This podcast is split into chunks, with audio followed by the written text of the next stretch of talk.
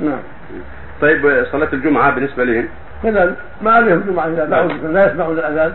بعيد المسافة يعني طويلة ما يسمعون الأذان فلا, فلا, جمعة عليهم. نعم ولو تعمدوا أن أن يبعدوا أن يبعدوا عن عن اماكن سماع الحكم لهم إنسان بعيد فهم حكم السفر. أيوه. وإنسان هم بعيد بعد كلي أيوه. فلهم حكم العذر بعدم سماع المؤذن جزاك الله. ومشقة المجيء.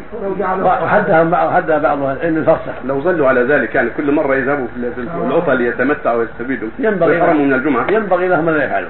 هذا ينبغي لهم الا يفعلوا. لئلا يحرمهم سواء مرة الجمعة أيوة. وسماع الخطب. أيوه. وجعلها عادة كل جمعة ينبغي يعلموا ويوضحوا أن أن ينبغي لهم أن يحافظوا على الجمعة وأن يستفيدوا من الخطيب ومن مواعظ الجمعة. لكن ما متى ذهبوا لم تلزمهم الجمعه إذا بعدوا. نعم. لا يسمعون النداء عند الهدوء؟